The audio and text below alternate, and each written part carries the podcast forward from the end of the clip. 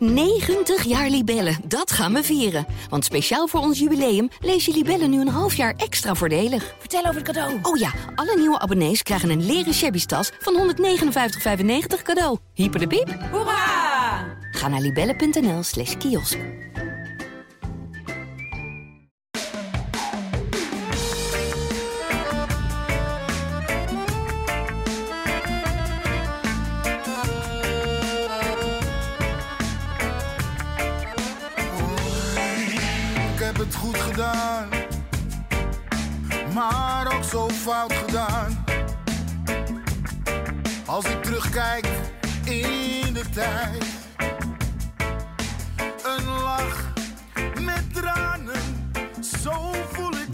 Ajax op dit moment zijn beste start in de competitie ooit?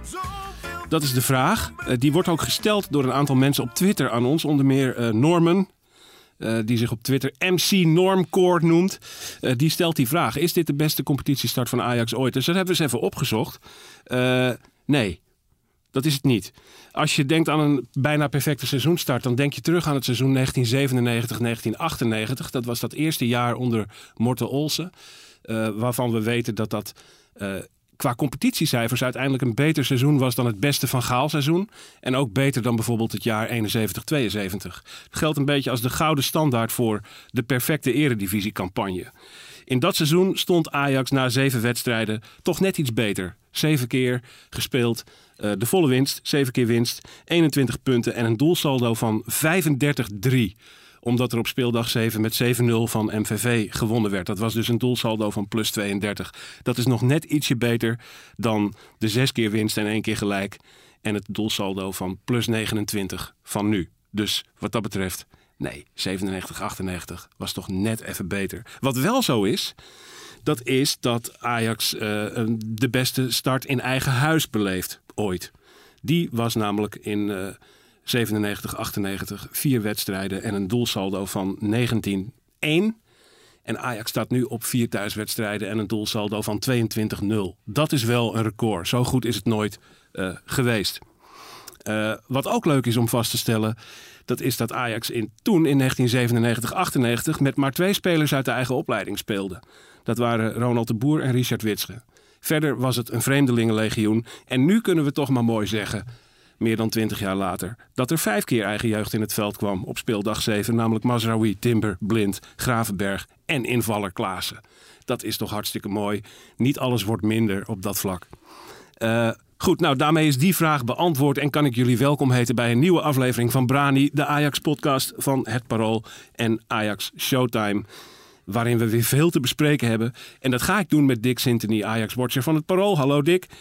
Goedemorgen. Goedemorgen. En eh, Bart Veenstra, hoofdredacteur van Ajax Showtime. We zitten hier in een vertrouwde driehoeksopstelling.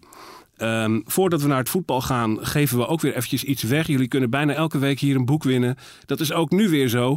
Michel Dodeman, echt een ontzettend leuke voetbalschrijver. Die schreef een boek eh, dat is getiteld Doorspelen. En dat gaat over het seizoen 2010-2011. En dat was een seizoen waar Ajax er graag aan terugdenken. Het seizoen van de derde ster. Het seizoen waarin de Kruifrevolutie op stoom kwam. En ook het seizoen waarin bijvoorbeeld Luis Suarez eh, een tegenstander in zijn schouder beet. Nou, er gebeurde veel. Eh, verhalen over dat seizoen zijn gebundeld in dat heerlijke boek Doorspelen over eigenlijk de gekke cult van voetbal. Wat een raar seizoen dat eigenlijk was. Dat kun je winnen. Ga naar Brani de podcast op Twitter. Eh, retweet het bericht dat je daar ziet staan. En volg Brani de podcast. En dan ding je mee. Goed. Wat zei eh, Martin Jol eh, ook weer eh, daarover? Een, een liefdesbeetje. Een liefdesbeetje. Een liefdesbeetje. Een liefdesbeetje. Ik heb het boek van Michel nog niet gelezen, maar het staat er vast in. Dat is Ja. een voetbal, voetbalwoord voor de eeuwigheid natuurlijk. Een liefdesbeetje. Oké, ehm, we gaan naar het voetbal van, eh, van nu. Eh, en dan gaan we natuurlijk het eerst hebben over die heerlijke uitverkochte volle arena. Bart, ben je geweest? Nee, nee, ik ben niet geweest. Ik heb, ik heb ook Dick, geen ben je geweest? Maar, Ja, ja, ik was er, ja. ja. ik ben er ook geweest. Wat was het heerlijk. Hoe heerlijk was dit? Een vol stadion. En eh, eindelijk weer eens dat, dat, dat publieksgeluid op volle sterkte. Eh, en alle tribunes helemaal mooi vol. Behalve dan een klein stukje op de eretribune, bij de, bij de perstribune daar zo. Dat houden ze toch leeg, hè? ja. Ja, dat, dat is eh, ongetwijfeld zal dat een reden hebben. Maar het, ja, het mooie van zo'n volle bak is. Eh, eh, ik, ik vroeg dat na afloop eh, van de wedstrijd nog aan Anthony. Die werd gewisseld.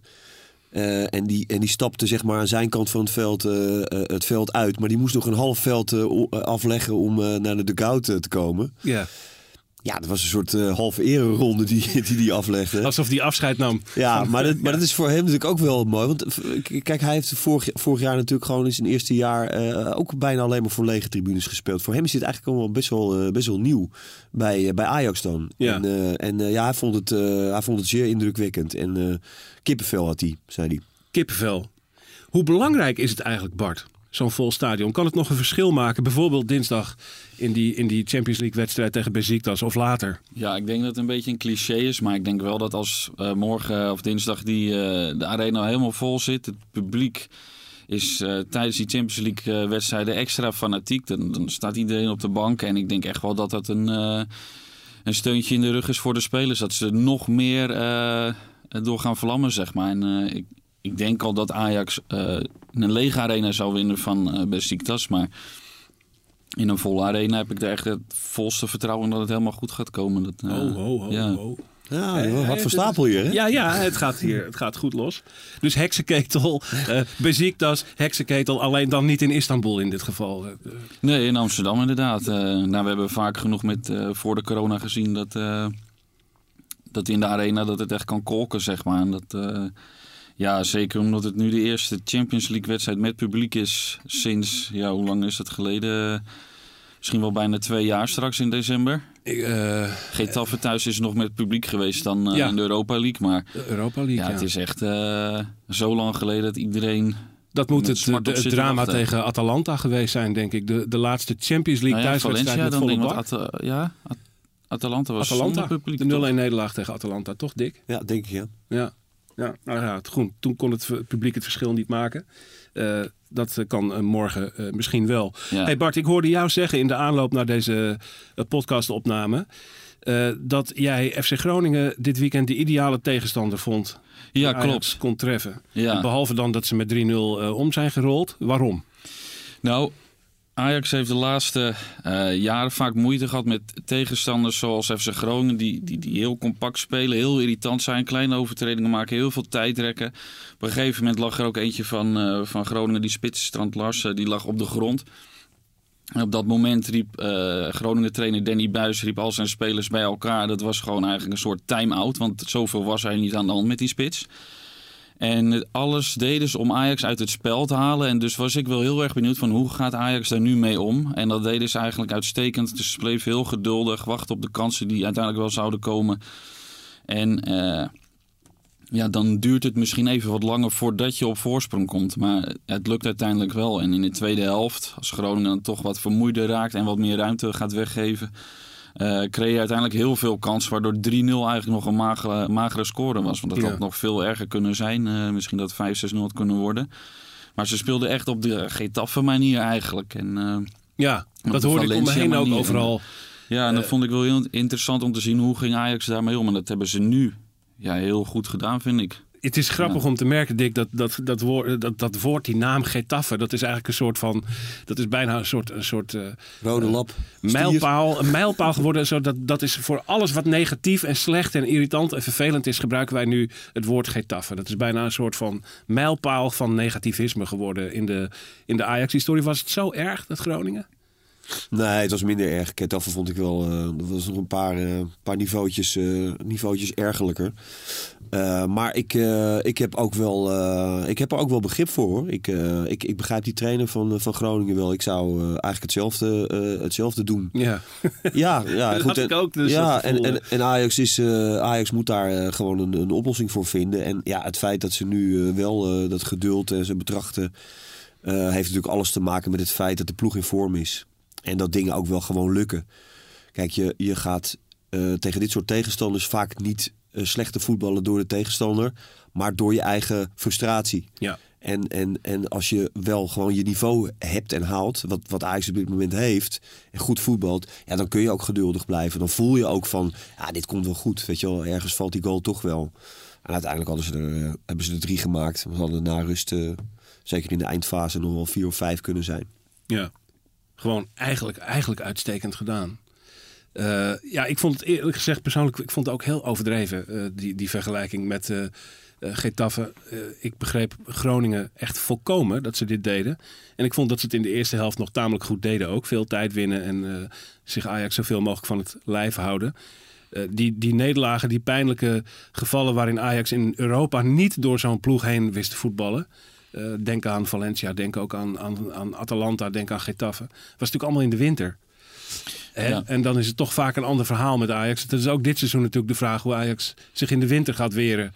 Als de dagen ja, korter worden. Of er wel weer een vertrouwen in. Want in die fases was het vaak dat er best wel blessures waren bij Ajax. En dat uh, de, ja, de selectie in kwalitatief opzicht niet breed genoeg was om die afwezig op te vangen. En ik heb nu wel het idee dat ze, ze hebben zoveel buitenspelers. Ze hebben zoveel spelers die op 10 kunnen spelen. Op middenveld, achterin ook dat als er één of twee uh, straks afwezig zijn, dan kan je dat echt heel makkelijk uh, opvangen, zeg maar. En daardoor heb ik er wel meer vertrouwen in dat het kwalitatief uh, wel op niveau blijft bij Ajax. Ja.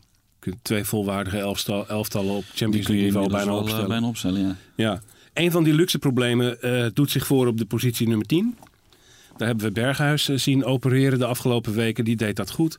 Uh, tegen Groningen was Davy Klaassen ineens terug bij de selectie. Viel in en lijkt eigenlijk klaar voor het grote werk. Ook meteen weer. Uh, dan hebben we nog Mohamed Kudus. Daar is echt een ongelooflijk luxe probleem hè? Op die, in die regionen. Ja, ja, je hebt drie spelers die in principe in de basis horen die daar kunnen spelen nu. En dan ja, is het afwachten waar Ten Hag nu voor gaat kiezen. Dan moet ik wel zeggen dat uh, ik vind het koppel Berghuis-Haller, die vind ik heel erg bij elkaar passen. Terwijl ik Haller en Klaassen, dat ja, is niet helemaal complementair aan elkaar. Dus dan zou ik eerder kiezen dan, als je iets in de spits zou zetten, dan wat een hele bewegelijke speler is, dat je dan meer aan een Klaas hebt uh, eromheen. Ja. Want ja, Tadic kan dan zeg maar een beetje zoals bij het Nederlands zelf die rol van de pij uh, vervullen. En dan is Klaassen daar wel heel goed in. Heb je signalen opgevangen, Dick, in de arena wat Den Haag van plan zou kunnen zijn richting Besiktas? Uh, nee, nog niet uh, signalen in, de, in die richting. Hij uh, vertelde na de wedstrijd dat Klaassen, als hij geen reactie krijgt van, van, van het kwartiertje dat hij heeft gespeeld, ook in staat zou moeten zijn om te beginnen tegen Besiktas. Uh, en of hij dan een hele wedstrijd vol zou houden, dat was dan nog een tweede. Maar goed, dan zou hij in principe kunnen, kunnen beginnen. Um, maar ja, goed, ja, het is wel uh, wat Bart zegt. Um, kijk, als, als uh, Haller in de spits staat en Klaassen staat erachter. Kijk, Klaassen is iemand die graag onderweg is. Dat betekent dat Haller veel moet uitzakken om, om, om, om aan de bal te komen. Ja, en dat is met Berghuis anders. Dan kan hij dieper wegblijven. En dan is Berghuis meer degene die de bal in de voeten wil hebben. Nou, dat, dat ligt Haller denk ik inderdaad beter. Alleen ja, dit is, dit is, jullie hebben het net over luxe. Um, ja, het is Tadic, die interviewde ik van de week. En die zegt, ja, we hebben gewoon, uh, we hebben gewoon vier of vijf verschillende wapens nodig. Ja. Uh, om, om, om op elk moment tegen elke tegenstander in elke situatie in de wedstrijd uh, het verschil te kunnen maken. Dan hadden we het even over die wedstrijd uh, Sporting. Uh, waarin hij natuurlijk eigenlijk een soort bijrol uh, speelde aan, aan, die linkerkant. Ja. En toen zegt hij, ja, maar hij zegt, wij, wij wisten en we voelden en we zagen dat we uh, Sporting over die rechterkant pijn konden doen. En die ruimte die hebben we gewoon optimaal benut. Hij zegt dan als je dan uh, op de andere, aan de andere flank een wat meer ondersteunende rol moet hebben een keer, uh, een, een, wedstrijd. Ja, dan is dat zo. En, en de volgende keer is het weer Haller die, die Haller maakt inderdaad verschil. Maar dan is het weer Klaassen. Dan is het weer misschien Darami met een invalbeurt of Neres. Dan is het weer en Anthony. Dus er, er, zitten, er zitten gewoon echt... Ja, ze hebben zo ontzettend veel, veel mogelijkheden nu aanvallend. Dat, uh, ja, dat is echt een, uh, een, groot verschil met voorgaande jaren. Ja. Dat interview uh, met Dusan Tadic van Dick Sintony verschijnt op dinsdag in het Parool. Dus afhankelijk van het moment waarop je deze podcast hoort, staat het er al of moet je nog een dagje wachten. Dick had deze week een extreem gelukkige hand van uh, interviewkandidaten kiezen. Want jij sprak in de aanloop naar Ajax Groningen met Edson Alvarez en met Anthony. Nee, dat was, uh, dat was na de wedstrijd. Oh, na de wedstrijd. dat was gewoon een, een, een pers, persbijeenkomst. Het was in, in gezamenlijkheid.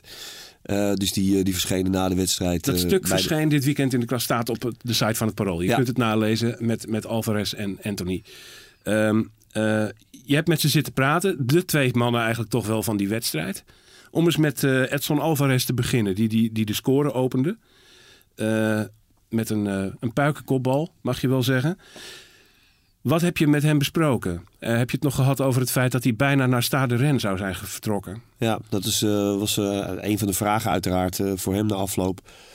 Ehm, ja, hij zegt van ja, ik ben, ik ben blij dat ik ben gebleven. Ehm, maar dat is natuurlijk ook een zaak geweest van, van Ajax zelf.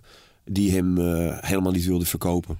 En dat begreep ik volkomen. Het is een prachtig bedrag, 20 miljoen. Maar als je ambitie hebt in de Champions League, dan is hij, ja, ik noem het dan een onmisbare schakel. En dat vind ik ook echt. Ik, ik, ik zie niet eh, een, een, een speler met, met, eh, met zijn kwaliteiten eh, in de selectie verder op dat niveau al. Hè? Het niveau van Mexicaanse international. Ja, ik. ehm, en, je, en je kunt er. Je zou er een beetje schamper over kunnen doen. Eh, dat hij eh, een betere voetballer is geworden. Maar ik vind. Ik vind dat wel. Ik vind echt dat je het verschil eh, kan zien bij hem. Ja. Zijn, eerste, zijn eerste periode. Weet je wel, de, de, de manier hoe hij zich positioneert. Weet je wel, altijd nu met open gedraaid. Vaak met zijn gezicht vooruit. Waardoor hij ook niet in, in de verdrukking komt snel. Weet je hij sneller de bal verplaatsen. Comfortabeler aan de bal. Ja. Ja, weet je het wordt nooit een, het wordt nooit een, een, Een verfijnde sp- spelbepaler. Maar, maar eh, ja, als je zo eh, op zo'n hoog niveau eh, ook gewoon mee kan voetballen. En je hebt daarnaast je waarde. Ja, want Hè? ik vind voetbal is meer dan alleen goed zijn aan de bal. En hij heeft zoveel kwaliteiten die het, team beter laten spelen. Hij kan koppen, hij kan onderscheppen, hij kan duels winnen. Hij is goed in de organisatie, noem maar op. En ik denk dat hij inderdaad daarom echt maar die, die onmisbare kracht is op dat middenveld van Ajax. Want hij laat wel eh, de aanvallers en Berghuis op 10 laat hij beter spelen uiteindelijk. Ja. Want zo'n bal inkoppen als die 1-0, een, wa- Ja, bal waarvoor die hoog stap los achteruit komen. eh, doen nog eh, om Ja. erbij te komen. Ja. En dan hoog komen, krachtig koppen, naar de Ja. grond, naar de hoek. Dat, dat is, er zijn er niet veel in deze selectie die dat op die manier kunnen. Misschien is hij Nee. wel de beste kopper die ertussen zit. En dat Alle was ook eh, Ja, dat denk de, de grap eh, na afloop een beetje van... eh, hij heeft dan heel veel getraind met Richard Witsche en, en Vaneburg. Weet je wel, over de het inspelen, open draaien, komt aan de bal. Dus ik vroeg hem na afloop, ik zeg, en heb jij dan Vaneburg en Witsche leren koppen? Of, Ja. want die, toen keek je zo aan en zei hij, nou, het, hij zegt, ja, het, het lijken me inderdaad wel twee spelers die vroeger niet heel veel hebben gekopt. Nee, dat, dat kunnen wij beamen. Ja, als, maar goed, je zag ook de blijdschap eh, bij de andere spelers. Tuurlijk, met een goal is iedereen blij. Maar ik denk dat het hem ook wel... eh, hij ligt wel heel goed in die, eh, in die selectie. ja, Ze vinden het allemaal wel een... het is een hele sociale gozer volgens mij. zachtaardige jongen ook, ja. Dat, ik, een tijd geleden sprak ik de, op de toekomst... Joel Veldman, geloof ik, interview met hem. En toen kwam ik de tolk tegen die alle Spaanse eh, spelers begeleidde... en hun interviews vertaalde. En die zei ook, die, die Alvarez is een schat van een jongen. Eh, dan zijn eh, de, de Argentijnen... Martinez en Taliafico hebben een veel grotere bek. Dat zijn een beetje meer de, de, de, de kwakers die, Hm. nou ja, wat meer van de straat. En Alvarez was echt de voorkomendheid en de beleefdheid zelf. eh, heel zachtaardig. Misschien heeft hij dat juist een beetje af moeten leren. Misschien was hij iets te lief in het begin, wie weet. Anthony heb je ook gesproken, Dick. Eh, de held van eh, dit seizoen toch wel, revelatie. Die ontbolstert echt, hè? Eh, ja. Hij heeft natuurlijk al een, voor, voor, een, voor een speler zeg maar, van een ander continent... eigenlijk wel een heel goed eerste jaar ook gehad. Ja. Dat gebeurt ook niet altijd. Vaak hebben die spelers ook best wel lang nodig om, om zich aan te passen. Ja, dat gold voor hem niet. Ook al heeft hij natuurlijk niet alle wedstrijden goed gespeeld. Maar hij heeft een be- behoorlijk rendement gehaald zijn eerste jaar. Ja, en hij heeft... ja, volgens mij is hij, is hij echt... vooral door die Olympische Spelen... waar Ajax hem eigenlijk niet heen wilde laten gaan... Maar daar heeft hij volgens mij wel een enorme boost ook gekregen. Ook in die, in die ploeg daar. Ehm, en met heel veel vertrouwen teruggekomen naar Ajax. Ja, goed. En, en hij laat het eh, meteen zien. Ja, en Sporting eh, was natuurlijk een eh, ja, prachtige reclame voor, voor hemzelf. Ja. En ja, hij voelt, zich, hij voelt zich gewoon op dit moment... hij, sta- hij zegt, ik sta elke dag op met een lach. Ik ga elke dag met heel veel plezier naar de training. Ja, dat straalt hij aan alle kanten uit. Dus die... eh, Besiktas kan zijn borst nat maken, denk ik. Kleine frivole eh, actietjes doet hij nu. eh, balletje even onder de voet. En, eh, ja, Die heel- aanname was ook schitterend op een gegeven moment, begin van de wedstrijd. Ja, ja. ja. Maar dat, dat laat wel zien dat hij ontzettend veel vertrouwen in zichzelf heeft, eh, denk ik. Ja, dat Ja. staat op dit moment heel- helemaal buiten kijf. Het is wel, het, het is, een- is, is het een straatjongen? Is het een, het is een favela-jongen, toch? Uit, eh, uit eh, Ja. Rio. Ja, en daar heeft hij wel, ehm, daar vertelde hij ook wel iets over. Dat het natuurlijk best wel een struggle en een gevecht is geweest om eh, ja, in arm gezin en, en eh, weinig eten. eh, eh, struggle om, om helemaal eh, om hogerop te komen. En ehm, ja, nu ook eh, heel dankbaar dat hij zijn familie eh, eh, wat dat betreft kan, eh, kan helpen. Eh, door eh, door ja, gewoon eh, betere leefomstandigheden voor ze te creëren. Ja. Maar ja, wel zegt hij ook van nooit vergeten. Het staat volgens mij ook op zijn voetbalschoenen. Nooit vergeten waar hij vandaan komt, hè, de Wavela's. Dus dat, ja, gewoon, hij zegt, daar ben ik gevormd. Dat is wie ik nu ben. En dat, dat, daar liggen mijn roots. Dat zal ik niet, niet, nooit vergeten. Mooi hè? Ja. Het is eigenlijk het klassieke Braziliaanse verhaal. Je hoort het bij die jongens bijna altijd. Dan is Argentinië toch een heel andere wereld, lijkt het wel. Ja. Ehm, hey, we gaan eventjes ehm, eh, verder naar wat andere jongens. We hebben dan Alvarez nu gehad, de 1-0. Anthony de 2-0. De 3-0 kwam van Nouz Mazraoui. Ja. Een, eh, een eh, fraai doelpunt van een man die sowieso nu elke week scoort, lijkt het wel. Hij had er nog wel meer ook kunnen maken. Er- dus, ja. En in bloedvorm is. Maar daar hebben we natuurlijk die kwestie met dat contract. Ja. Of die, het is genieten van zijn spel. Hij werpt zich op als een van de grote Ajaxiden van dit moment. Maar het contract is nog steeds niet getekend. En daar begint een zeker onheil van uit te gaan. Hoe vaak hij ook bezweert dat hij eigenlijk wil bijtekenen. Wat zijn jouw gedachten daarover, Bart? Ja, ik, ik sta daar op zich best wel dubbel in, want ik kan hem heel goed begrijpen. Want hij heeft, ehm maart 2019 heeft hij voor het laatst eh, zijn contract verlengd. En eigenlijk in die periode daar in de Champions League heeft hij echt wel een heel hoog niveau ook laten zien. En eh, dan vind ik wel dat een contractverlenging en zeker een opwaardering ook van het contract echt wel op zijn plaats is. En eh, ja, het, het is nu al eigenlijk aan de late kant, want het contract loopt in de zomer af. En ik snap hem ook wel dat hij wil, zeg maar, het is niet dat hij echt puur op geld uit is, maar hij wil, zeg maar, wel waardering zien uit dat, uit dat nieuwe contract dat hij dan zou krijgen. En hij zal zelf ook wel het idee hebben van, ja, ik zit nu op deze positie in de hiërarchie bij Ajax. Dus ik vind dat ik recht heb op een, dat bepaalde salaris ook. En ik weet niet wat hij verdient en wat hij dan wil. Maar ik, ik kan me daar wel iets bij voorstellen. En ehm, ja, aan de andere kant is de vraag, hoe ver wil Ajax gaan? Eh Ajax zal ook denken, we hebben Rensje nog achter staan. Dus Ja, stel dat Mazraoui dan eh, vertrekt, hè, dan heb je Rensje in dat geval nog. Alleen kan je ook denken als Ajax van, we geven hem nu een salarisverhoging. Met daar wel bij de insteek dat we je in de zomer gaan verkopen voor eh, pakweg 15 miljoen. ja. Om op die manier nog winst aan te maken. Want anders vertrekt hij eh, transfervrij. En dat, dat zou ook heel zonde zijn van zo'n goede, goede speler eigenlijk. Ja. Ja, Dick, jij zei aan het begin van het seizoen al... het zou mij niet verbazen als Mazraoui nog gaat.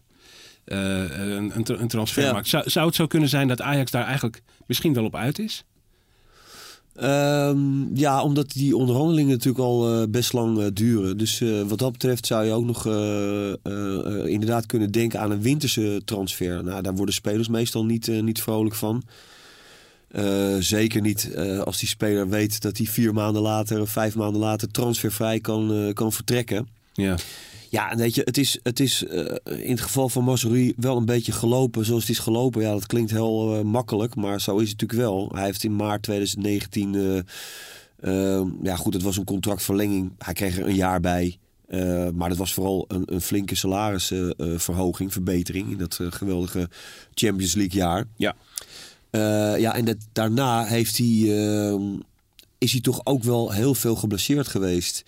En, en dat is natuurlijk ook niet eh, een periode dan, eh, als iemand er maanden uit is, dat je nou eens even gaat zitten om, eh, om een contract te verlengen. Dus wat dat betreft heeft hij best wel in die twee jaar.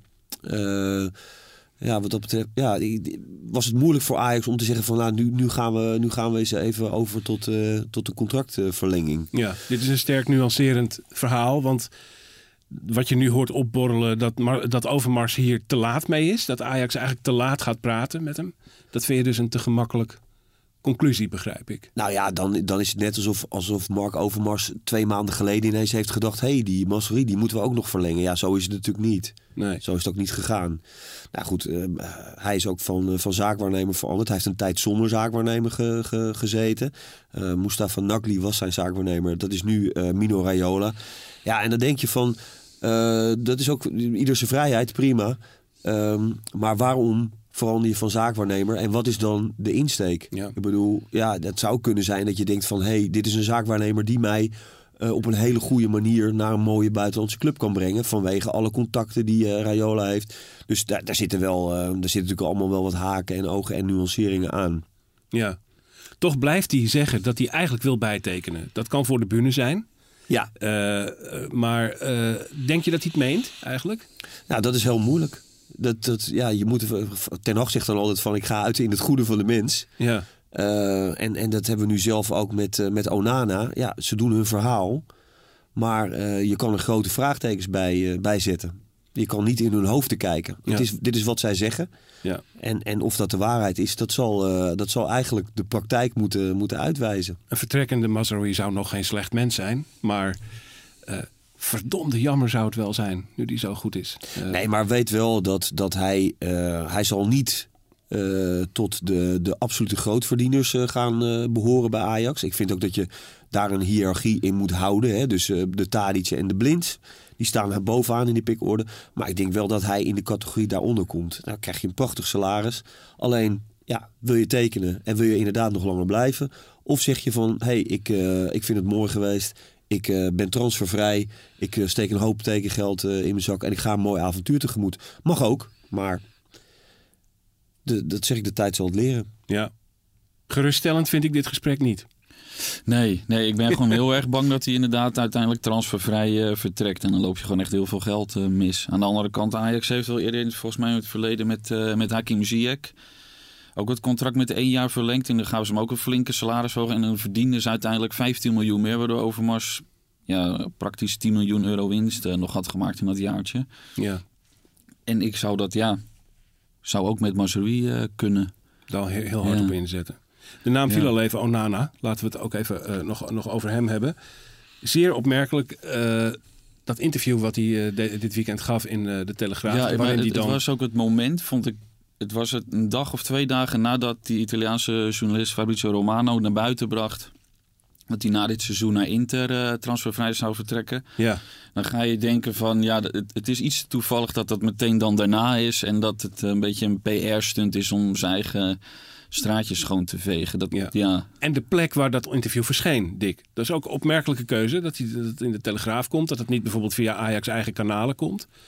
Eh, Ja, nou goed, ja, ik, eh, ik, eh, ik weet het niet. Ehm, dat zal hij zelf gekozen hebben, denk ik. Ik denk dat ik wel wat vragen zou hebben gehad voor André Onana... die hij liever niet eh, zou beantwoorden. Dus misschien dat hij dan ook liever niet door mij geïnterviewd zou willen worden, denk ik dan. ja, Of door een ander. ja. Ehm, maar ehm, ja, weet je, ik, ik, ik denk dat het, het interview ook niet zo goed is gevallen bij, bij Ajax. Dat eh, lijkt me eh De- kijk, gesteld. De, de kern, de kern van, eh, van, van, van dit verhaal, en dat is echt, dat, dat vergeten we al heel snel, omdat we dan al in de mode schieten van het is een hele goede keeper en is het ook. En, en, en de, de financiële belangen, waar het allemaal mee begint, is dat hij een dopingzondaar is. Bewust of onbewust. Hij dat maakt eigenlijk niet, hij is het. En, en daarmee heeft hij zichzelf en de club natuurlijk best wel een, grote financiële en, en reputatieschade eh, eh, toegebracht. En dat maakt het natuurlijk ook heel erg eh, anders hoe je tegenover elkaar gaat zitten in de onderhandelingen. Weet je, je positie is dan gewoon heel erg slecht. Ja, En, ehm, ja, en dan met, een, met het feit dat hij dan een aflopend contract heeft, ja, dan, dan kan ik me voorstellen dat hij, dat hij denkt van nou, ik, ik, laat het, ik laat het voor wat het is en ik ga hierna, eh, sla ik mijn vleugels uit en ik ga bij een andere club eh, aan de gang. ja. Maar goed, dat is niet wat hij eh, vertelt in dat interview. En dan moeten we maar weer raden eh, of, het, eh, of hij dat echt meent. Of, eh, of dat het voor En de bühne volgens is. mij wilde hij dan voor één jaar bijtekenen. Ajax wilde twee jaar. Tenminste, dat was het in de zomer, zeg maar. Voor mij was het nog voordat eh, het hoger beroep was. Maar op dat moment had Ajax niks aan één jaar verlenging. En op dit moment zou je kunnen denken, als je nu een jaartje erbij doet, eh, dan zou dat op zich nog wel kunnen. Ja. Maar ik kan me ook echt wel voorstellen dat er heel veel mensen zijn die zoiets hebben van, ik wil hem niet meer op doel zien bij Ajax. Want hij heeft Ajax wel gewoon, ja, genaaid, eh, kan, je, kan je stellen. Misschien. Nou ja, het woord genaaid valt hier. Ik vond het fijne- dit, het dit fijne in de weet je Telegraaf was toch gewoon een eh, jankverhaal. Eh eigenlijk, er ging erg weinig zelfreflectie vanuit van, van eh, Onana, vond ik. Ja, goed, en dat, dat mag ook. Ik bedoel, je mag, eh, het staat je vrij om zo'n interview eh, te geven. Alleen, eh, ja, dat zeg ik. de, de zelfreflectie die, die, die ontbreekt. En ja, het feit dat je, dat je Ajax toch wel op heel veel vlakken tekorten hebt gedaan. En dan mag je ook wel, ja, mag je best wel iets van, eh, van, laten, van laten merken. Ja, boter bij de vis. En niet alleen zeggen, ik heb alles aan Ajax te danken. Want dat zei hij geloof ik wel. Ja, nee, is ook zo. Eh, maar de, En Ajax heeft ook heel veel aan hem te danken, want het is een geweldige keeper. Ja. Hij, heeft, hij heeft Ajax ongelooflijk veel eh, eh, eh, goeds gebracht. Ja, alleen het is, eh, het is wel triest eh, hoe, dit nu, eh, hoe dit nu uit elkaar dreigt eh, te vallen. Ja. We gaan heel gauw nog even naar, eh naar, naar Besiktas. Eh, eh, die, eh, die ploeg eh, ontvangen we dinsdag in de Amsterdam Arena. De Johan Cruijff Arena zal daarvoor vol zitten. Eh, we krijgen berichten dat er daar ongelooflijk veel blessures zijn, Bart. Ik las zelfs tien man. Dat ze tien Ja. man moeten missen. Maar eentje springt eruit. Ja, ja, als het goed is, je weet het eh, nooit natuurlijk wat voor spelletjes er worden gespeeld. Maar als het goed is, is eh Pjanic er niet bij. Dit seizoen gehuurd van Barcelona. Nou, Barcelona heeft het niet heel denderend gedaan, maar bij Juventus, daar was het wel echt een, gewoon een grote, grote meneer. Ja.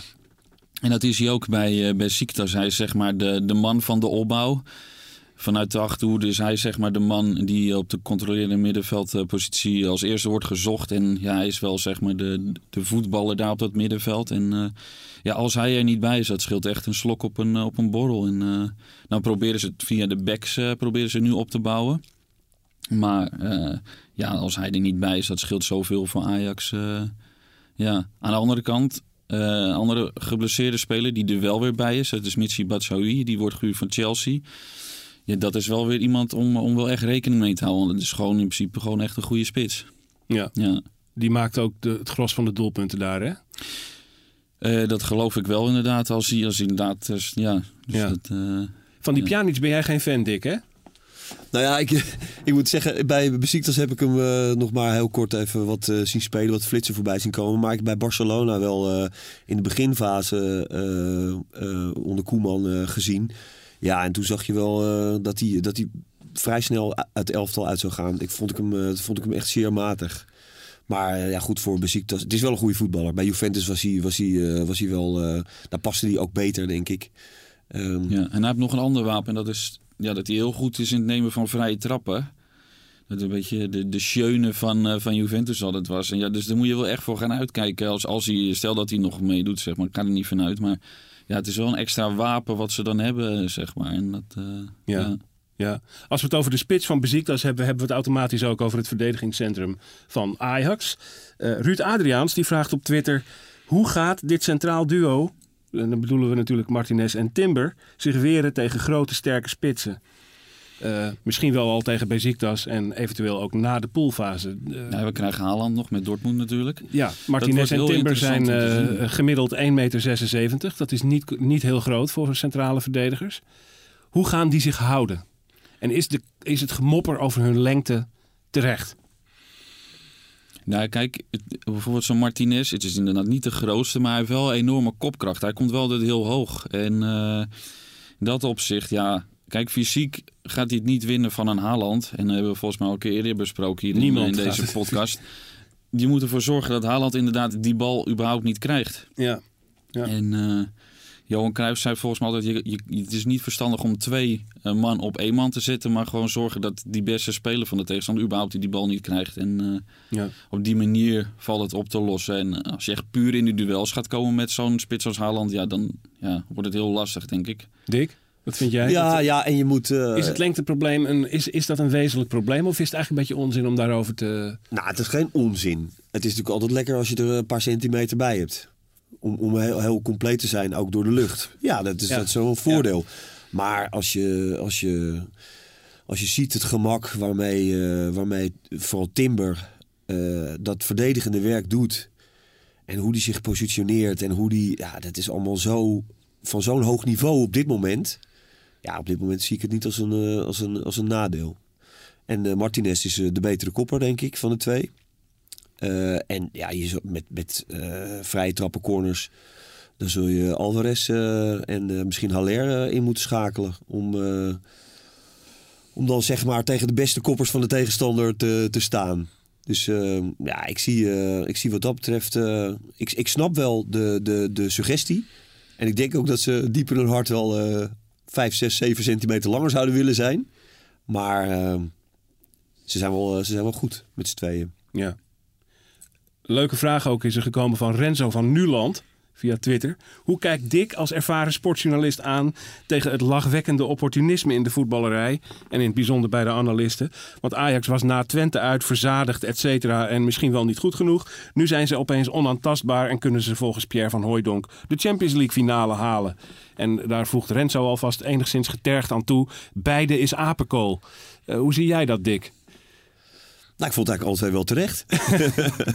ze waren echt heel slecht tegen Twente. En ik denk dat ze wel de Champions League kunnen winnen. Nee, denk ik niet. Maar ehm, ja, nee, god, dat opportunisme. Het is niet uit te bannen, hè, uit het voetbal. Hè? Ook, ook door, eh, eh, door, door de clubs niet. Ik bedoel, je ziet nog steeds zoveel opportunisme ook in beleid bij heel veel clubs. Ja. En ehm, Is het dan ook niet een beetje zo, wat, dat is wat ik altijd denk hoor, dat elk onderwerp krijgt ook de journalistiek die het verdient, zeg maar. En dat een, eh, een, een- een bedrijfstak waarin zoveel opportunisme heerst, dat je daar ook opportunistisch gewauwel bij cadeau krijgt.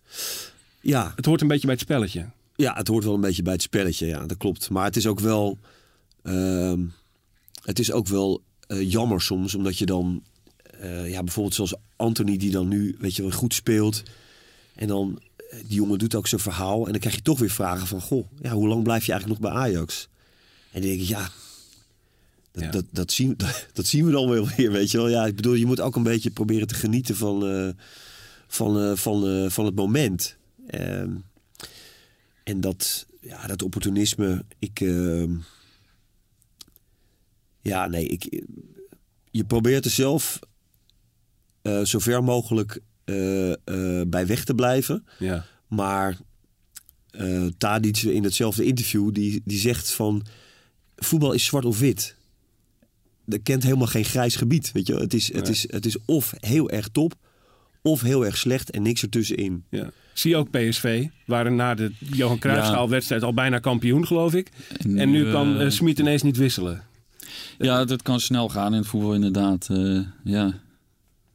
Dus eh, ja, en, en- wat moeten we er eigenlijk van Hoe zeggen? moet je ervan Het is- zeggen, inderdaad. Ja, Ja. en het, zo zal het altijd zo blijven gaan ook. En eh, als, als Ajax straks eh, in december twee keer verliest... en PSV komt ineens weer op eh, een paar punten te staan... op twee punten, noem maar wat... dan, dan, dan is het ook weer de grote paniek in Amsterdam. En, ja. Ja. Eerst eens kijken hoe dat, hoe dat allemaal loopt. Eh, over opportunisme gesproken, eh, eh, Dick. Hè, en dat het moet kunnen. Tim Buschops die wil weten of je al aan de kampioenspecial begonnen bent met het parool. Is die, staat hij al in de stijgers? Vordert het een beetje? Of? Ja, nee, de eerste verhalen zijn, liggen bij de drukker. Nee, nee, ja goed, dat, dat opportunisme, dat, dat hebben we niet. En ik, ik, ik probeer zo laat mogelijk te beginnen met eventuele kampioenspecials. Want er zijn er in de loop der jaren toch wel een hoop gesneuveld ook. eh. die al klaar lagen. Dus dat ja, de, gebeurde. graafs, de graafschap, weet je wel. Dat Ja. je, dat je, dan, dan zit je daar op de tribune op de Vijverberg en dan is het van, eh, oké, Ajax, maak nou even dat ene doelpunt.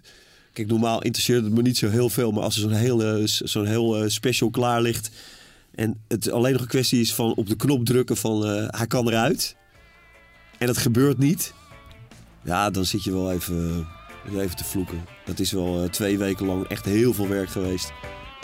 Nou, ik wil niet zeggen voor niks, want die interviews die erin stonden hebben we later nog, heb ik later nog wel weer eh, opnieuw kunnen, kunnen gebruiken, maar het is wel zonde.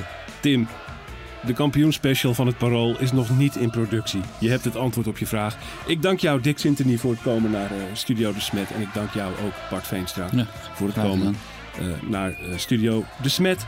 Jullie moeten allemaal even meedingen naar dat prachtige boek van Michel Dodeman. Doorspelen via Brani, de podcast, op Twitter. We gaan kijken naar Ajax Beziektas, een volle Johan Cruijff Arena. En natuurlijk praten we daar volgende week over in een nieuwe aflevering van Brani. Tot dan.